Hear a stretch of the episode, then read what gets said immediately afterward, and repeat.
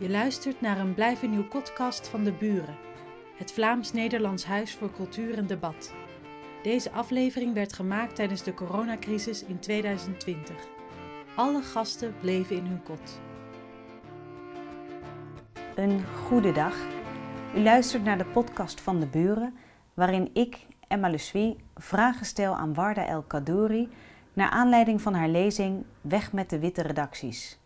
U hoort nu eerst de lezing die Warda thuis opnam. Diversiteit. Het is een zo goed als hol begrip geworden. Van slogans zoals diversiteit is realiteit krijg ik inmiddels de kriebels. Bedrijven hebben de innovatiekracht van diverse teams ontdekt. Culturele organisaties willen dolgraag wat ze noemen een breder publiek bereiken. En media willen het vertrouwen opkrikken door divers journalistiek talent aan te trekken. De bewustwording stijgt. Dus dat kan alleen maar goed nieuws betekenen, toch? Niet helemaal. Als je even zou doorvragen naar een plan van aanpak om dat te bereiken, dan doorprik je al snel de lege retoriek. En beleid dat is er niet. Een budget? Ook niet. Werken aan een nieuw netwerk? Nee. Is het een prioriteit? Um, kort samengevat, iedereen heeft er de mond vol van, maar niemand doet echt iets.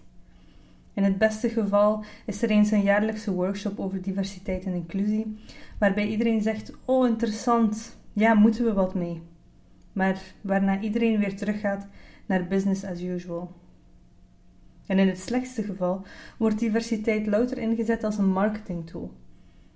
Van echte inclusie is weinig sprake. Hoe zit het met media? Tot vorig jaar was ik lid van een Nederlandse denktank over journalistiek. En vorige zomer zette ik ook mijn eerste stappen in de media als journalist. En in die tijd bezocht ik enkele redacties. Het was pijnlijk om met eigen ogen vast te stellen dat de soms honderdkoppige redacties in de lage landen leliewit zijn.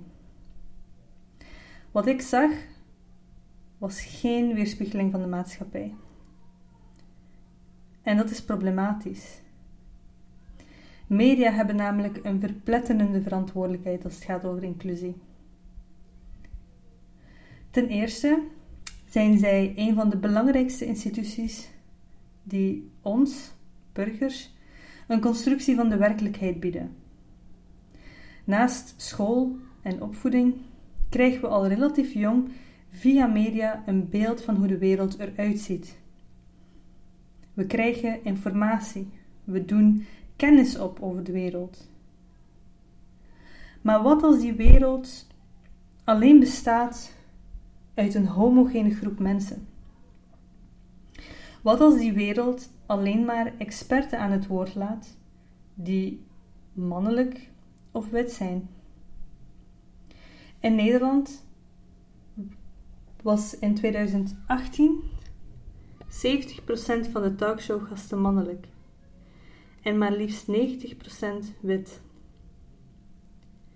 Het gaat er niet alleen om over herken ik mezelf in deze persoon, herken ik mezelf in wat, wat ik zie, maar het gaat er ook over hoe dit soort beelden beïnvloeden hoe jij over anderen denkt. Ten tweede hebben media de ambitie om goede journalistiek te bedrijven.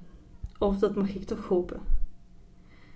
Hoe meer perspectieven op het nieuws, hoe meer invalshoeken op een bepaalde gebeurtenis, hoe meer verhalen je hoort en laat horen, hoe sterker dat journalistiek verhaal. Het is dus belangrijk dat media als werkgever of, of, opdrachtgever ook toegankelijk zijn zodat je team diverser wordt.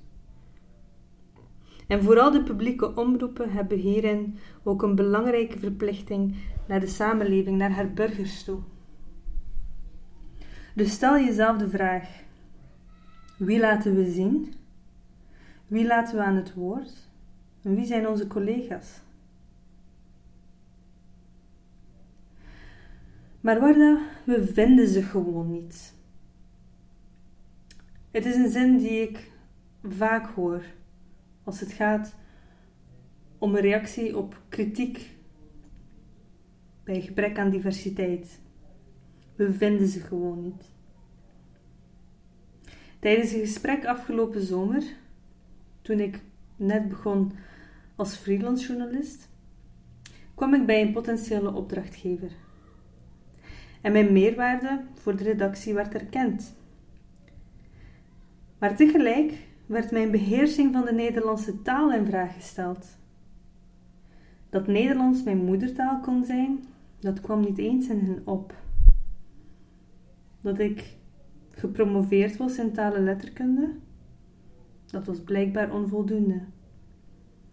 Ik wilde net niet schreeuwend in een kussen heel hard weglopen. Zo vind je ze inderdaad niet. Bovendien hadden ze mij niet gevonden. Ik had hen opgezocht. Dus met al die inspanningen om talenten te zoeken, valt het best wel mee. En dat kan ook niet anders, want als je eigen netwerk zo homogeen is als je witte redactie, dan kom je er niet. Diversiteit en inclusie in een bedrijf of organisatie krijg je niet door enkel en alleen de intentie uit te spreken. Als je verwacht daar een pluim voor te krijgen, ben je onderdeel van het probleem. Diversiteit en inclusie vragen om een langdurig investeringsproces van tijd, energie en geld. Zoals Zoe Papaikonomou het verwoordde op het platform Nieuw Wij, bestaat er geen toverformule voor diversiteit of een inclusiefee die het gebouw binnenzweeft en met één luttele zwaai van haar toverstaf de inclusieve werkomgeving tovert. En de enkele redacteurs die op zo'n redactie zitten en hun best doen om er wel een prioriteit van te maken, die staan er vaak alleen voor.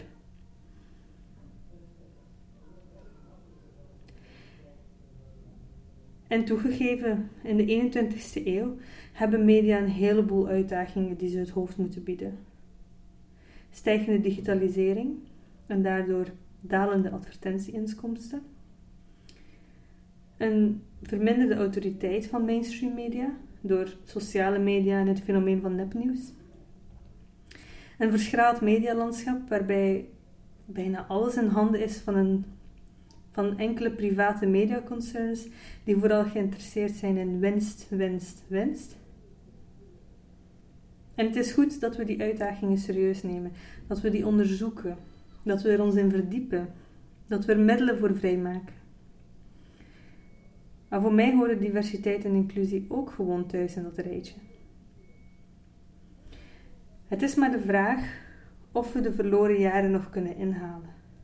Want ik verbaas me er nog steeds over dat dit in 2020 een gegeven is. If they don't give you a seat at the table, bring a chair.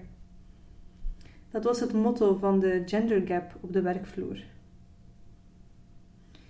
Ik zie echter steeds meer mensen die hun energie liever stoppen in het opzetten van eigen platformen, van eigen mediaprojecten. If they don't give you a seat at the table, build your own goddamn table. En wie kan het ze eigenlijk kwalijk nemen? Ja, wie kan het ze eigenlijk kwalijk nemen? Al dus Warda El Kadouri. Nog even in het kort, wie is Warda? Ze promoveerde dus in taal en letterkunde en is sinds vorig jaar werkzaam als journalist. Ze schrijft voor niet het minste medium, namelijk De Groene Amsterdammer.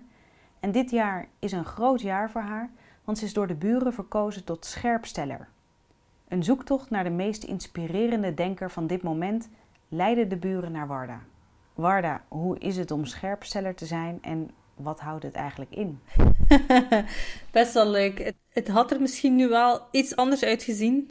Uh, had het niet voor uh, deze hele coronacrisis geweest. Wat het inhoudt is dat de buren en Pilar mij ruimte bieden, mij ondersteunen in het ontwikkelen van ja, wat zij zien als uh, kritisch denken. Het gaat vaak over filosofische, literaire of maatschappelijke thema's. We zijn nu ook bezig met een eh, festival te cureren. En dan probeer ik ook vanuit mijn positie van macht die ik dan op dat moment heb, ook te zorgen dat uh, nieuw divers talent zichtbaar wordt. Want als je die eerste fase overleefd hebt van die meerdere glazen plafonten, dan vind ik het belangrijk dat je uh, mensen meeneemt in dat succes. En naar aanleiding van Warda's gevatte lezing zijn er een aantal vragen binnengekomen bij de buren, die we in deze Blijf in je podcast zullen bespreken. Dag Warda. Hey, goeiedag. ik zie jou op mijn eh, computerscherm via mhm. Zoom. En bij mij is het een beetje donker, want ik heb alle gordijnen dicht gedaan om het geluid wat te dempen. Mhm. Waar zit jij? Ik zit in, de, in het thuiskantoor slash babykamer. slash babykamer, want het is bijna zover, hè? Ja, nog een maandje. En wordt het een jongetje of een meisje, of weet je het nog niet? Uh, het wordt een jongetje. een jongetje. Spannend. Ja, maar daar gaan we het niet over hebben. Het is geen eh, baby-podcast. We gaan het hebben over um, diversiteit. Ja, dat we het hier eigenlijk nog steeds over moeten hebben. Inclusie. Je mhm. zegt zelf in je lezing van diversiteit krijg ik de kriebels. Waarom besloot je om het toch nog hierover te hebben? Um, omdat het natuurlijk nog steeds een probleem blijft. Die moet blijven aangekaart worden. Alleen waarom ik van diversiteit het woord een beetje de kriebels heb gekregen, is omdat het zo vaak door allerlei uh, actoren, van bedrijven tot media, misbruikt wordt als een soort van slogan, als een promotiestunt. Plots heeft, heeft uh, iedereen diversiteit ontdekt en willen ze er allemaal iets mee, omdat het hip is en het is iets wat je hoort te doen en moet doen in, dit, in deze tijden. want de samenleving is nu eenmaal divers. Maar het is allemaal heel oppervlakkig. En uh, de structurele problemen die blijven. Die discrepantie vind ik, uh, vind ik problematisch. Een vraag die we binnenkregen uh, is van Ingrid. En zij heeft een platform voor ouders die ook een professionele carrière daarnaast hebben. En zij schrijft: Al vanaf bij de start probeerden we te streven naar een inclusief magazine, maar tot nu toe helaas zonder resultaat. Het is niet dat we geen moeite hebben gedaan of inspanningen hebben geleverd. Dit zijn onze bevindingen tot vandaag. Ja, dat is dus het dilemma van Ingrid. Ze beseft dat ze in een, zwart, eh, in een witte bubbel zit. Niet een zwarte bubbel, in een mhm. witte bubbel. En uh, ze zegt dan ook, de witte bubbel breidt zich uit, maar nooit komt er automatisch een nieuwe gekleurde bubbel bij. Ja, waar moet Ingrid het gaan zoeken? Hoe moet ze dat gaan aanpakken volgens jou? Om te beginnen is het, het bewustzijn is er al, dus dat is, uh, dat is al fijn, dat is stap 1 ja, het gaat niet vanzelf. Dus ze, ze zegt, we proberen te streven naar een inclusief magazine, maar de witte bubbel wordt niet automatisch een gekleurde bubbel. Daar is een bepaalde inspanning voor nodig. En ehm, ze geven zelf aan van we hebben die inspanning uh, gedaan. Een van de voorbeelden die ze, die ze gaven was dat ze een, een klein onderzoekje hadden gedaan om na te kijken of hun content wel past bij iedereen. En daar bleek dan dat, uh, dat dat niet zo was. Ze hadden bijvoorbeeld artikels over weekenduitstapjes met het gezin. En toen ze ten rade gingen bij ouders met een migratieachtergrond, bleek dat uh, weekends voor die groep vooral betekende om samen te komen met, uh, zij noemen het extended family, dus met oma, opa, tantes, ooms, dat dat veel belangrijker is dan gewoon met je kerngezin even naar de dierentuin gaan of zo. Met zo'n kleine inspanning, zo'n kleine steekproef, heb je al zoveel informatie opgehaald over je eigen perspectief. En dat zou eigenlijk veel meer moeten gebeuren. Veel meer dan zitten wachten tot die witte bubbel automatisch een gekleurde bubbel wordt. Uh, je hoort het ook vaak van, ja, we, zet, we zetten een vacature open, maar we krijgen ze niet. De diverse talenten komen niet bij ons solliciteren. Maar dat gaat niet automatisch, want je bereikt ze niet. Dus hoe verwacht je dan dat ze naar je toe komen? Dus je moet kritisch gaan kijken naar je content. Dat is wat ze nu hebben gedaan. Dus daar kunnen ze dan zich ook op gaan aanpassen. En ook kritisch gaan kijken naar via welke kanalen verspreid ik deze content. Als jij bijvoorbeeld... Uh, wat zij noemen momfluencers, want het is echt zo'n uh, mama-magazine, uh, inzet. Ja, wat voor momfluencers zijn dat?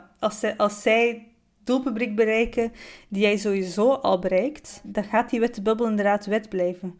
Er zijn genoeg momfluencers ook met een, uh, met een migratieachtergrond.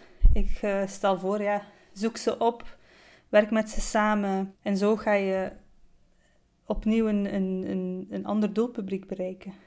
Zij zegt dus eigenlijk ook, kan je een magazine maken met herkenbare inhoud voor iedereen? En is dat nodig? Is het niet oké dat ze zich alleen op het publiek dat ze nu heeft, dat ze zich daarop focust en dat er een andere momfluencers zich focussen op moeders of vaders met een migratieachtergrond. Wat vind jij? Um, sowieso moet je nooit content maken voor iedereen, tenzij je een publieke omroep of zo bent. En dan staat in je statuten dat je zo groot mogelijk publiek moet bereiken en de burger moet informeren. Maar in dit, in dit geval heeft ze al een bepaalde doelgroep. En die hebben ze uh, heel specifiek um, gedefinieerd. Dit zijn moeders die daarnaast ook een professionele carrière hebben. Ja. Als dat jouw doelgroep is, dan kan dat iedereen kan zijn. Dat iedereen zijn in, de, in termen van uh, etniciteit of, of migratieachtergrond of cultureel achtergrond of religieuze achtergrond. Dat is geen criterium geweest in het definiëren van hun doelpubliek. Maar de facto is het wel een wit doelpubliek wat ze bereiken. Dus dan gaat er iets mis. Kijk, als jij zegt wij zijn gewoon een magazine voor uh, mama's die werken en wit zijn, kan je daar morele vragen bij stellen. Maar dan, dan bereik je wel je doel. jij bent een uh, mama to be. Um, zou jij naar zo'n platform gaan? Zou je daartoe aangetrokken voelen? Ja, niet echt. Heel eerlijk, niet echt, nee. En ik had het vroeger veel minder. Nu ben ik me daar bewuster van. Of vroeger voelde ik het misschien wel, maar kon ik het niet meteen plaatsen of benoemen van waarom, waarom vind ik dit niet aantrekkelijk? Waarom voel ik me hier ongemakkelijk bij? Nu zie ik dat veel meer, ook omdat het veel bespreekbaarder is geworden. Kijk, het is niet dat er helemaal geen herkenning is, want het zijn natuurlijk ook gewoon. Ik ben ook een vrouw, ik ben ook een, binnenkort een moeder, ik ben ook iemand die een professionele carrière nastreeft. Dus het is niet dat we 100% verschillend zijn of zo. We hebben wel overeenkomsten. Ehm, maar ik mis, ik mis dan toch dat, dat, dat extra, die extra dimensie, die extra identiteit waarmee ik me helemaal echt verbonden zou kunnen voelen. Je zegt dus, ja, je moet er moeite voor doen. En Ingrid die, ehm, zegt ook zelf van, ja, het vraagt heel veel energie. En dus tijd en dus geld. Ja. Uh, ja, zal zij hier een apart potje voor moeten vrijmaken om ehm, ja, het toch een diverser platform te laten worden? Als het niet organisch lukt, en dat lukt bijna nooit organisch, uh, dan, dan is dat op termijn wel nodig. Kijk, dit is, dit is een start-up, dus ik snap het wel van het budgetten, dat ligt allemaal heel moeilijk, maar de grote kans van een start-up is wel dat je nog geen vast imago hebt, dus je kan wel nog alle kanten op. Het is niet dat er al een brand is waarbij er afstand of wantrouwen is, want dat, dat hebben sommige media wel. Die bestaan dan al heel lang. Je hebt een bepaald imago, bijvoorbeeld als het gaat over coveren of niet coveren van minderheden. En als je dan een verandering wil maken richting inclusie, diversiteit of hoe je het ook wil noemen, dan gaat dat zo in tegen uh, die brand die al gecreëerd is rond jouw naam, dat het moeilijker is om het vertrouwen te winnen. Uh, en met een start-up is dat nog niet het geval. Je, het, het, is nog helemaal open. Uh, je kan nog alle kanten op gaan. Dus daar zijn eigenlijk kansen? Ja, ik vind van wel. Ik zou zeggen, ga echt op zoek naar ehm, mensen met een migratieachtergrond met een, met een mening, die ook niet bang zijn om hun mening te geven, die kritisch uh, naar jouw website of naar jouw tijdschrift willen kijken en willen meedenken, maar vergoed ze er dan ook voor. Dus er zal sowieso een, iets van een potje moeten komen. En daar kunnen duurzame relaties uit voortkomen. Want het grootste probleem met die witte bubbels, die witte bubbels blijven, is gewoon echt een gebrek aan netwerk. Um, dus dan is de wel er wel, maar dan is er geen netwerk of geen budget. Ze mailde ook nog, of ze vroeg zich af, op een of andere manier hebben we het gevoel dat het bij de jonge twintigers gemakkelijker crossover is dan bij de 35-plussers met kinderen. Bemerk jij een verschil tussen een oudere en een jongere generatie? Dat de jongere generatie toch al vanuit de start diversere organisaties hebben? Ja, ik denk dat dat een, uh, dat dat de maatschappelijke evoluties volgt van kleur in, in, in de samenleving. Iemand die 20 is, uh, die is dus in het jaar 2000 geboren, die is in de 21ste eeuw opgegroeid. Iemand die 35 à 40 is, die is geboren in de jaren 80, die heeft nog de hele witte conservatieve jaren 90 meegemaakt. Dat is, dat, dat is echt een, een groot verschil, want die superdiversiteit, zeg maar, die is er op relatief korte termijn gekomen. Als je kijkt naar toen ik in de kleuterschool, lagere school zat, was ik vaak de enige persoon van kleur. Ja, ga nu maar eens naar uh, eender welke middelgrote stad in Nederland of Vlaanderen en de kleuterklas ziet er helemaal anders uit. Is het dan niet gewoon een kwestie van tijd? In plaats van op die diversiteit te focussen, zal dit niet uiteindelijk organisch gebeuren? Ik denk, als we kijken nu naar media, maar ook bedrijven, cultuursector, whatever, die hebben wel een vertraging in vergelijking met de maatschappelijke evoluties. In mijn generatie, ja, de millennials, zitten superveel gekleurd talent die, dan, die niet op die plaatsen is gekomen waar ze zouden kunnen of moeten komen. Dus ehm, op dat vlak zie ik, ja, het is een kwestie van tijd sowieso, maar er zit een enorme vertraging op. Ik vind dat we echt heel laat zijn daar. Een volgende uh, vraag is van luisteraar Ben Aisa. En ja, wat Ben Aisa opvalt is de selectieve keuze van mensen met een andere etnische achtergrond bij bepaalde thema's. Zo zegt hij: Zo zien we dat mensen van kleur vaak worden betrokken bij negatieve onderwerpen zoals criminaliteit, terreur en racisme. Het zijn juist deze negatieve associaties die de stereotypering cultiveren en de inclusie niet echt vooruit helpen. En zo gaat dat in de meeste redacties, want we zien zelden mensen van kleur komen praten over bijvoorbeeld economie, wetenschap, literatuur, gezondheid. Kortom, topics die ons alle dagelijks bezighouden.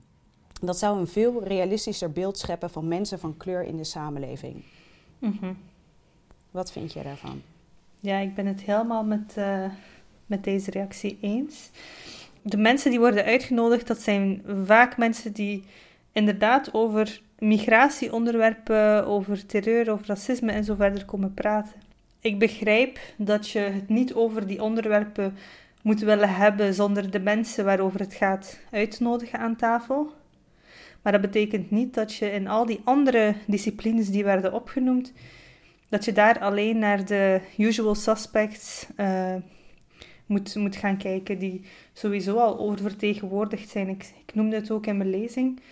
Experten die worden uitgenodigd zijn vaak mannelijk, zijn vaak wit. Zo blijf je natuurlijk in stand houden dat deze type mensen, en er is niks mis met deze mensen natuurlijk, maar je geeft de indruk dat alleen zij uh, over bepaalde betrouwbare kennis uh, en gedegen kennis beschikken. Um, ik denk dat het uh, zowel de minderheden als de witte meerderheid enorm goed zou doen om ook mensen van kleur te zien spreken over epidemiologie op dit moment, of over kunst als troost, um, of over uh, komt er een recessie aan en hoe gaan we al de schulden die we nu opbouwen als staat later terugbetalen. Dat zou een veel realistischer beeld geven van hoe de samenleving eruit ziet. Ja, en vaak begint dat natuurlijk ook bij de redacties. Um, zijn er al eigenlijk ideale redacties waarbij diversiteit of inclusie geen onderwerp van gesprek meer is? Ja, goede vraag. Um, ik, ik vind het heel jammer uh, dat Charlie Magazine um, is moeten stoppen in Vlaanderen. Ik vond dat wel een, uh, echt een voorbeeld van een, uh, een diverse redactie die is samengesteld omdat de hoofdredacteur echt geloofde dat er ruimte moest komen voor iedereen zijn verhaal vanuit verschillende perspectieven, zonder belemmeringen. is gewoon echt een, een podium, een platform bieden aan uh, die verhalen, die stemmen. Zonder dat dat per se een marketingstunt was. Dat, dat was oprecht. Dat vond ik echt zo een voorbeeld van een redactie waar uh, inclusie geen probleem was geen issue, geen punt van discussie. One World heb je? Ja, One World biedt uh, ook veel ruimte voor uh, stemmen uh, van mensen van kleur. Ik vind alleen, ik heb eens gekeken op hun, op hun website. En de diversiteit in hun vaste team, dat, dat, valt best wel mee, moet ik eerlijk toegeven. Daar was ik best wel teleurgesteld in. hun content is wel erg divers. Is het dan van groot belang dat hun redactie ook super divers is? Ja, ik vind van wel. Zeker als je een... Kijk, als je een superklein team hebt van vijf, zes man, dan uh, wordt het lastig. Maar van zodra dat je boven de tien mensen zit, ja, ik vind, uh, ik vind dat toch wel, want het is wel je kernteam. Het is je vast team. Waar jij uh, als hoofdredacteur of als uh, zakelijk leider je vertrouwen aan geeft. En als je dan ziet dat dat kernteam toch niet zo divers is, ja, welk signaal geef je dan? Ik wil hun, hun waanzinnig goede content niet ten onder doen hoor. Maar het is gewoon iets wat ik wel had verwacht. Ja, hoe is het eigenlijk bij de Goede Amsterdammer? Uh, ja, qua, qua etnisch-culturele diversiteit valt het daar ook reus mee. er is wel, ja, qua man-vrouw verhouding zit het wel goed. We hebben ook een vrouwelijke hoofdredacteur. Uh, er zitten ook best wel wat jonge mensen. Ja, qua kleur kan het, uh, kan het daar ook wel wat beter, denk ik. Maak je dat dan ook bespreekbaar binnen de Groene? Ik heb dat nooit zo expliciet aangekaart of zo. Maar uh, een van de lezers had dat, had dat ook gezegd. Je wil niet de een van de weinige personen van kleur zijn die dan over dit thema begint op zo'n werkvloer. Uh, echt? Ja? Voelt dat ongemakkelijk dan? Nee, dat is best wel moeilijk. Het, ja, ik vind, ik vind dat dat wel ongemakkelijk aanvoelt. Um, maar dat is ook iets ja, waar jij mee zit of wat jij veranderd zou willen hebben. Dus dan is dat toch ook een belangrijk issue voor jou. Waarom zou je dat dan toch niet aankaarten?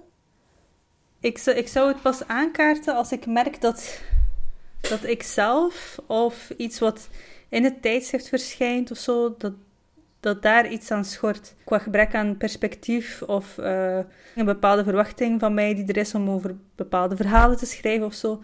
Maar dat voel ik allemaal niet en dat zie ik ook allemaal niet. Ik denk dat ik op zo'n moment wel in gesprek zou gaan. En ik maak, ik heb, ik heb met verschillende collega's wel al gehad erover hoor, van, mhm. ik vind het wel jammer dat, uh, dat, dat het op vlak van etnisch-culturele diversiteit best wel een homogene redactie is enzovoort. Um, nou ja, vandaar dus dat die diversiteitsstage in, in de Goede Amsterdammer stond waarschijnlijk. Ja, wanneer was dat?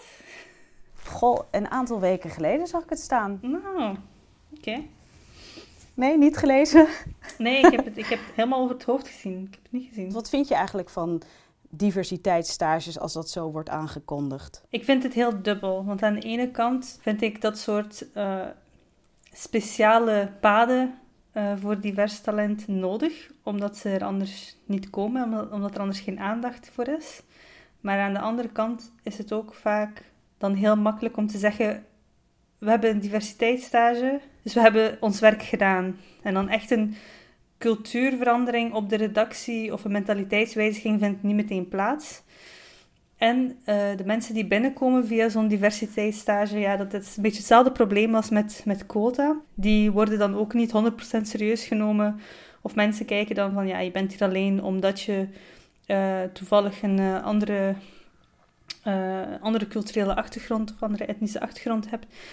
En dat gaat dus ten koste van de erkenning van iemands talent of kwaliteit. Heb je wel eens een persoonlijke ervaring daarmee gehad? Niet dat ik weet. um, nee, ik ben voor zover ik weet nooit via een, zo'n dergelijk traject bij een werkgever of een organisatie of een uh, opdrachtgever terechtgekomen. Nee. En ik heb ook geen collega's via die weg gekregen, voor zover ik weet. Ja, Luisteraar Linda Thompson mailde iets opmerkelijks. Ik heb de indruk dat het makkelijker is om als journaliste van kleur in een ander land dan het jouwe kansen te krijgen. Zelf ben ik in België gebleven, maar ik heb in mijn beginjaren kansen gekregen van eindredacteurs die allemaal niet Belgisch waren. Een Britse kennis vertelde me omgekeerd dat zij in België kansen heeft gekregen waar ze in het Verenigd Koninkrijk alleen van had kunnen dromen. Ik vraag me af wat Warda hiervan denkt en waarom je in het buitenland schijnbaar makkelijker kansen krijgt of grijpt als journalist van kleur. Ja, ik vond dat echt een. Ik vond dat heel opvallend. En dat, is, dat sluit ook aan bij mijn gevoel, mijn indruk. Dat in Nederland dat er veel meer mensen van kleur zijn op topposities, op zichtbare posities. in de politiek, in de media en het bedrijfsleven in vergelijking met bijvoorbeeld Vlaanderen. En mensen vragen me heel vaak, hoe komt dat toch? Heb daar nog geen, niet echt onderzoek naar gedaan. Maar wat, wat Linda hier zegt, is dat het omgekeerd ook zo is. Dus dat mensen die van het Verenigd Koninkrijk naar België uh, zijn gekomen voor een job die ze, die ze in het Verenigd Koninkrijk niet hadden kunnen krijgen. Wat, echt, wat in mijn hoofd echt een soort van kortsluiting veroorzaakte. Omdat ik echt dacht dat het Verenigd Koninkrijk qua diversiteit uh, en inclusie nog verder stond dan Nederland. Wat ik misschien denk, is dat het sowieso interessanter is om iemand op je redactie te hebben, bijvoorbeeld, die... Ik, geef het voorbeeld Nederland-Vlaanderen. Ja, je hebt sowieso dezelfde taal. Dus dat is al geen probleem. Mhm. Maar die persoon brengt ook nog eens extra kennis, extra inzichten mee vanuit België, die jij misschien mist. Dus ik zou dat sowieso interessant vinden om uh, in Vlaanderen een Nederlandse journalist aan te, uh, aan te nemen en omgekeerd. Misschien voelt het ook ergens, voelen ze ook ergens meer afstand of zo, waardoor er minder vooroordelen zijn. Ik weet het niet. Ik vind het echt een heel bijzondere vraag. Uh, Jij woont in Amsterdam, hè? Ja. Hoe lang woon je in Amsterdam?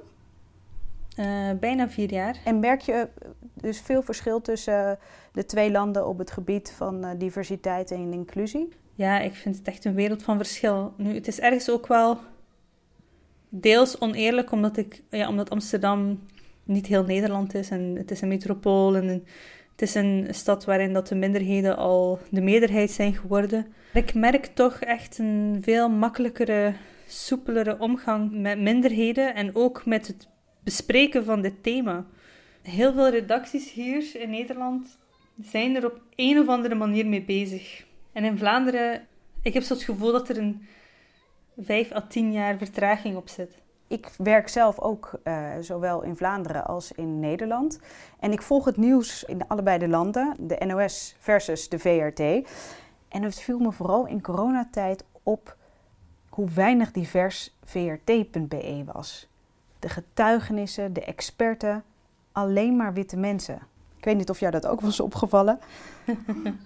ja, en het probleem daarmee is hoe vaker je dit doet, hoe groter het wantrouwen wordt van mensen van kleur, die dan ook niet meer willen meewerken met een vraag om in een reportage te komen of een getuigenis te geven of zo wordt, omdat ze gewoon een bepaalde afstand voelen. Voor een openbare omroep is dat echt heel kwalijk.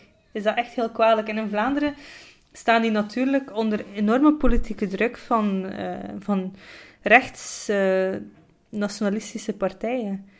Dat is eigenlijk een totale vermenging van belangen en van machten die, die echt heel problematisch is en op lange termijn heel schadelijk is voor de samenleving. Ja, in je lezing zeg je de plan van aanpak mist vaak. Wat zou een geschikte plan van aanpak kunnen zijn voor de VRT?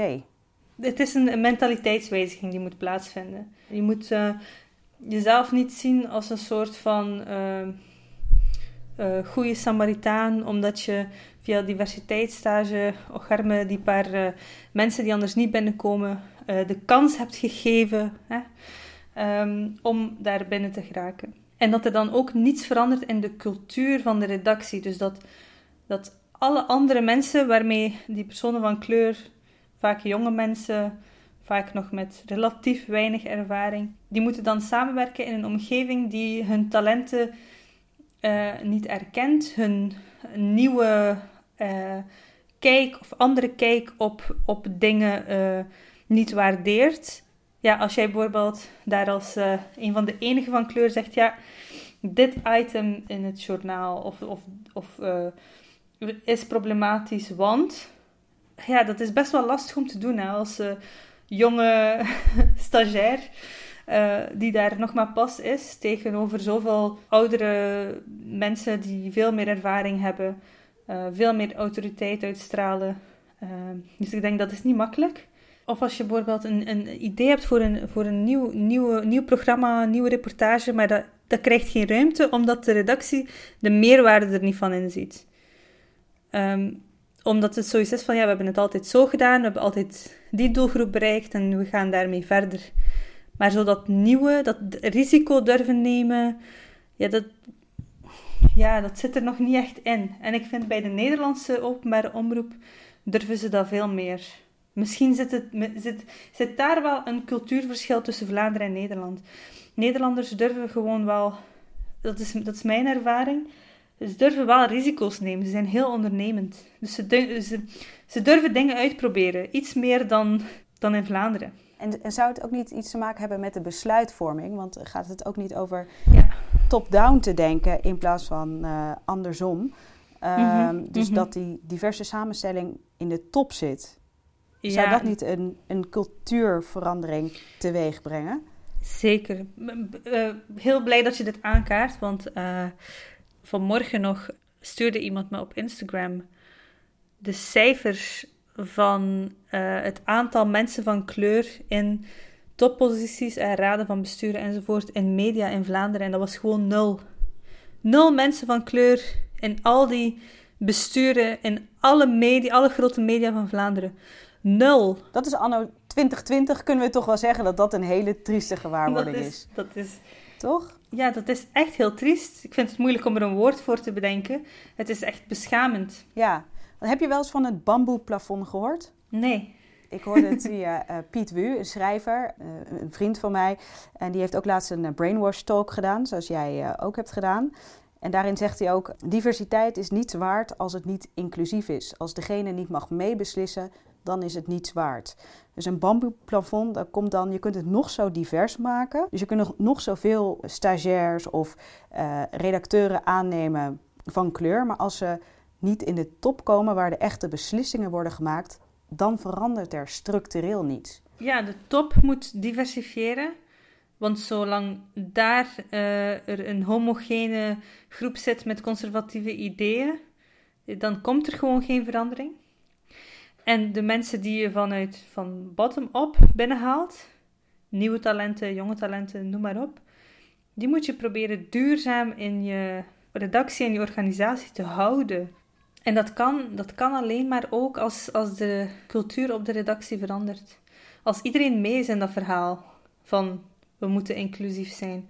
We hebben andere verhalen nodig. We hebben nieuwe perspectieven nodig. We moeten iedereen bereiken zeker een openbare omroep, we moeten iedereen bereiken, we moeten alle burgers bereiken, dus moeten we ook alle burgers hier gerepresenteerd zien. Ja.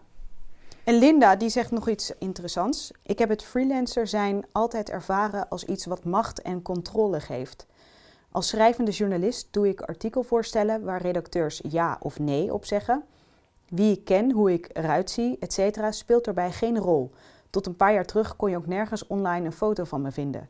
Het is de kwaliteit van mijn artikelvoorstellen die bepaalt of ik aan de bak geraak. Freelancer zijn betekent ook dat ik mij niet staande moet zien te houden op een witte redactie. Ik doe gewoon mijn ding van op de baan vanuit mijn coworkplek. Ik ben overtuigd dat ik er al lang de brui aan had gegeven als ik in dienstverband had gewerkt. Ik vond het eigenlijk een, uh, ja, een goede beschrijving van hoe tragisch de situatie is. Uh, ik ken verschillende uh, freelance journalisten die uh, om dezelfde reden bewust freelancer zijn. Dat ze het hebben geprobeerd in dienstverband, maar dat ze het te vermoeiend vonden om zichzelf continu te moeten bewijzen, om zichzelf continu te moeten verdedigen, om continu een nee te krijgen tegen, uh, op, hun, op hun nieuwe ideeën.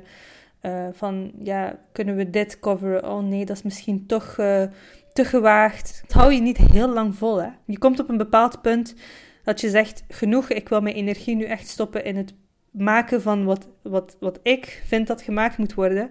En dan zoek ik er een, uh, een klant voor. Eigenlijk is het tragisch. Ik vind dat tragisch. Ook dat ze zegt dat alleen de kwaliteit ertoe doet dat alleen dat gezien wordt omdat er geen foto van haar te vinden was op, op, op internet. Zodat mensen haar dus letterlijk niet zien. Dat is net als met anoniem solliciteren. Dat, dat je alleen maar door het wegfilteren van iemands huidskleur, iemands naam, dan plots wel gelijkwaardig uh, behandeld wordt. Ja, dan, dan zit het, dan zit het uh, structureel racisme echt heel diep. Ja, want ze, heeft het ook net zoals wat jij zegt in je lezing uh, over die seat at the table. Ze stelt vast dat veel journalisten, inbegrepen mezelf, zo hard hebben gewerkt voor een zitje aan de grote tafel dat ze zich niet willen profileren op etniciteit en bij wijze van spreken aan een kleinere tafel willen gaan zitten voor journalisten van kleur. Ze hoopt op een initiatief zoals de Racebeat in België. Ja, daar had ik nog nooit van gehoord. Had je daarvan gehoord, de Racebeat? Nee, ik heb het ook even moeten opzoeken. Nee, ik kende het niet. Ze stuurden een Twitter-account mee en daar stond uh, New Journalism Network for People of Color working in and thinking about British media, independent of any media organization, led by and for people of color. Is dat dan een oplossing? Een tijdelijke oplossing. Eh, er is niks mis met mensen die in dezelfde kwetsbare situatie zitten, die zich verenigen en in alle veiligheid kunnen praten en brainstormen over hoe, hoe kan het beter. Dat hebben verschillende uh, groepen gedaan in de samenleving, van arbeiders tot vrouwen tot weet ik nog wat allemaal. Maar het is hopelijk tijdelijk en het is hopelijk een soort van uh, groep die uiteindelijk de transitie gaat maken naar de mainstream. Ja, want is dat dan niet het gevaar dat je bepaalde onderwerpen aan zwarte mensen gaat verbinden? Uh, dat, dat een navelstaarderig wordt? Um, een goede vraag. Ik vind het, ik vind het nu nodig. Want als je, als je jezelf niet uh, gerepresenteerd ziet, of alleen op een negatieve manier, dan, heb je eerst, dan is de eerste stap het terugwinnen van je waardigheid, van, van ja, het is empowering. Je hebt die empowerment eerst nodig. Je moet dat terug eerst gaan rechtzetten, uh, want het doet natuurlijk wat met je zelfbeeld, voordat je je horizon weer kan openbreken. Dus ik denk dat het, dat het wel nodig is en dat het er mag zijn. Kijk, er zijn gewoon onderwerpen die leven binnen bepaalde gemeenschappen, binnen bepaalde minderheden, uh, die niet gecoverd worden door mainstream media. En uh, de ene route om dat te corrigeren is om te blijven hameren bij die mainstream media, om dat toch gedaan te krijgen. Maar als dat te lang duurt, is er geen vind, vind ik het niet problematisch dat je het dan voor jezelf gaat doen. Zolang er uitsluitingsmechanismen zijn waarin dat geen plek krijgt, ja, moet je dan per se blijven stilzitten of kan je die onderwerpen wel al beschikbaar maken voor, een, uh, voor je eigen doelgroep en zelf ook al ervaring opdoen. Ja, dan kies ik toch liever voor het tweede dan te blijven wachten. Ja, hoe lang nog? Dat is een beetje de vraag, hè? Wanneer zit jij op een ideale groene Amsterdammer redactie? Wanneer zijn er in de top van de media in Vlaanderen mensen van kleur? Ik denk dat dat nog een generatie zal duren. Dus ik hoop dat, uh, dat, dat mijn zoontje, dat die ondertussen in een andere mediawereld zal opgroeien. En ondertussen gaan wij er hard voor, uh, voor blijven werken. Een laatste vraag van Nina. Zijn er dingen die je als mediaconsument of als iemand die zelf niet in de journalistiek werkt, ik ben zelf nog student, kan doen om te voorkomen dat vele redacties zo wit zijn als ze nu zijn? Ik probeer mijn eigen mediaconsumptie te diversifiëren en ondersteun een paar freelancers ook financieel via platformen als Patreon. Maar wou de vraag toch zeker eens stellen aan iemand die echt het insiderperspectief heeft en weet hoe het is wat er nodig is.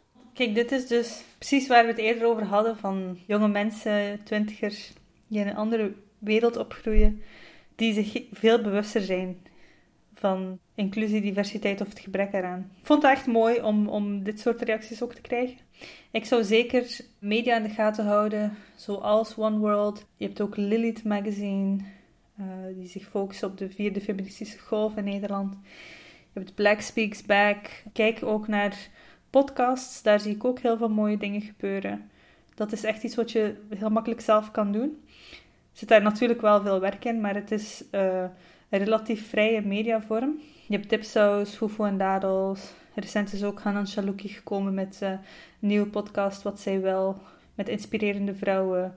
Kijk naar die media en uh, de mensen die voor die media werken, die journalisten, redacteuren, opiniemakers, volg die ook op sociale media, uh, zou ik zeggen.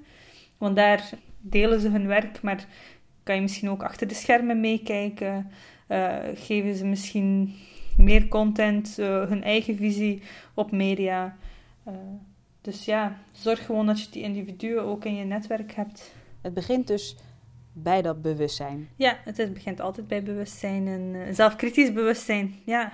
Zien we jou over een aantal jaar in de top van de media in Vlaanderen? um, Geen idee, misschien, misschien, wie weet. Hopelijk, toch? ja, hopelijk wel, hopelijk wel. En hopelijk hoeven we het hier niet nog heel erg lang uh, over te hebben. Zie je het positief in? We gaan de goede kant op, maar het duurt echt heel lang. ik ben wat ongeduldig. Dus uh, ja. iemand vroeg ook van uh, welke toon is in dit, in dit proces het, uh, het best? Hard en strijdbaar of toch iets zachter? Nou, ik vind dat de toon best wel strijdbaar mag zijn. Vanwege dus die late acties. Nou ja, en vandaar de goede titel van je lezing: Weg met de witte redacties. Ja, en als iemand zich uh, daardoor beledigd voelt, dan, uh, dan is dat onderdeel van het probleem, denk ik. Dankjewel, Warda. Dank je. En ook bedankt aan iedereen die, die wat heeft ingestuurd. Heel veel. Ja, wat zeg je als iemand met verlof gaat? Plezier, rust, liefde. wat mag ik dat jou alles. wensen? Dat alles. Ik wens je van alles. en ik zie je weer live in post-coronatijd. Ja, hopelijk wel. Dit was de podcast of de Blijf in je podcast met Warda El Kadouri. Mijn naam is Emma Leswie. In naam van de buren hebben we diversiteit en inclusie besproken. Heeft u nou nog vragen, opmerkingen, suggesties, whatever, dan uh, kunt u die altijd mailen naar de buren. Blijf gezond en tot ziens. Bedankt voor het luisteren naar deze Blijf in je podcast. Ontdek meer via het podcastkanaal of de Soundcloud van de Buren. De Buren biedt je gratis registraties van debatten en lezingen aan en heeft een uniek literair audioaanbod.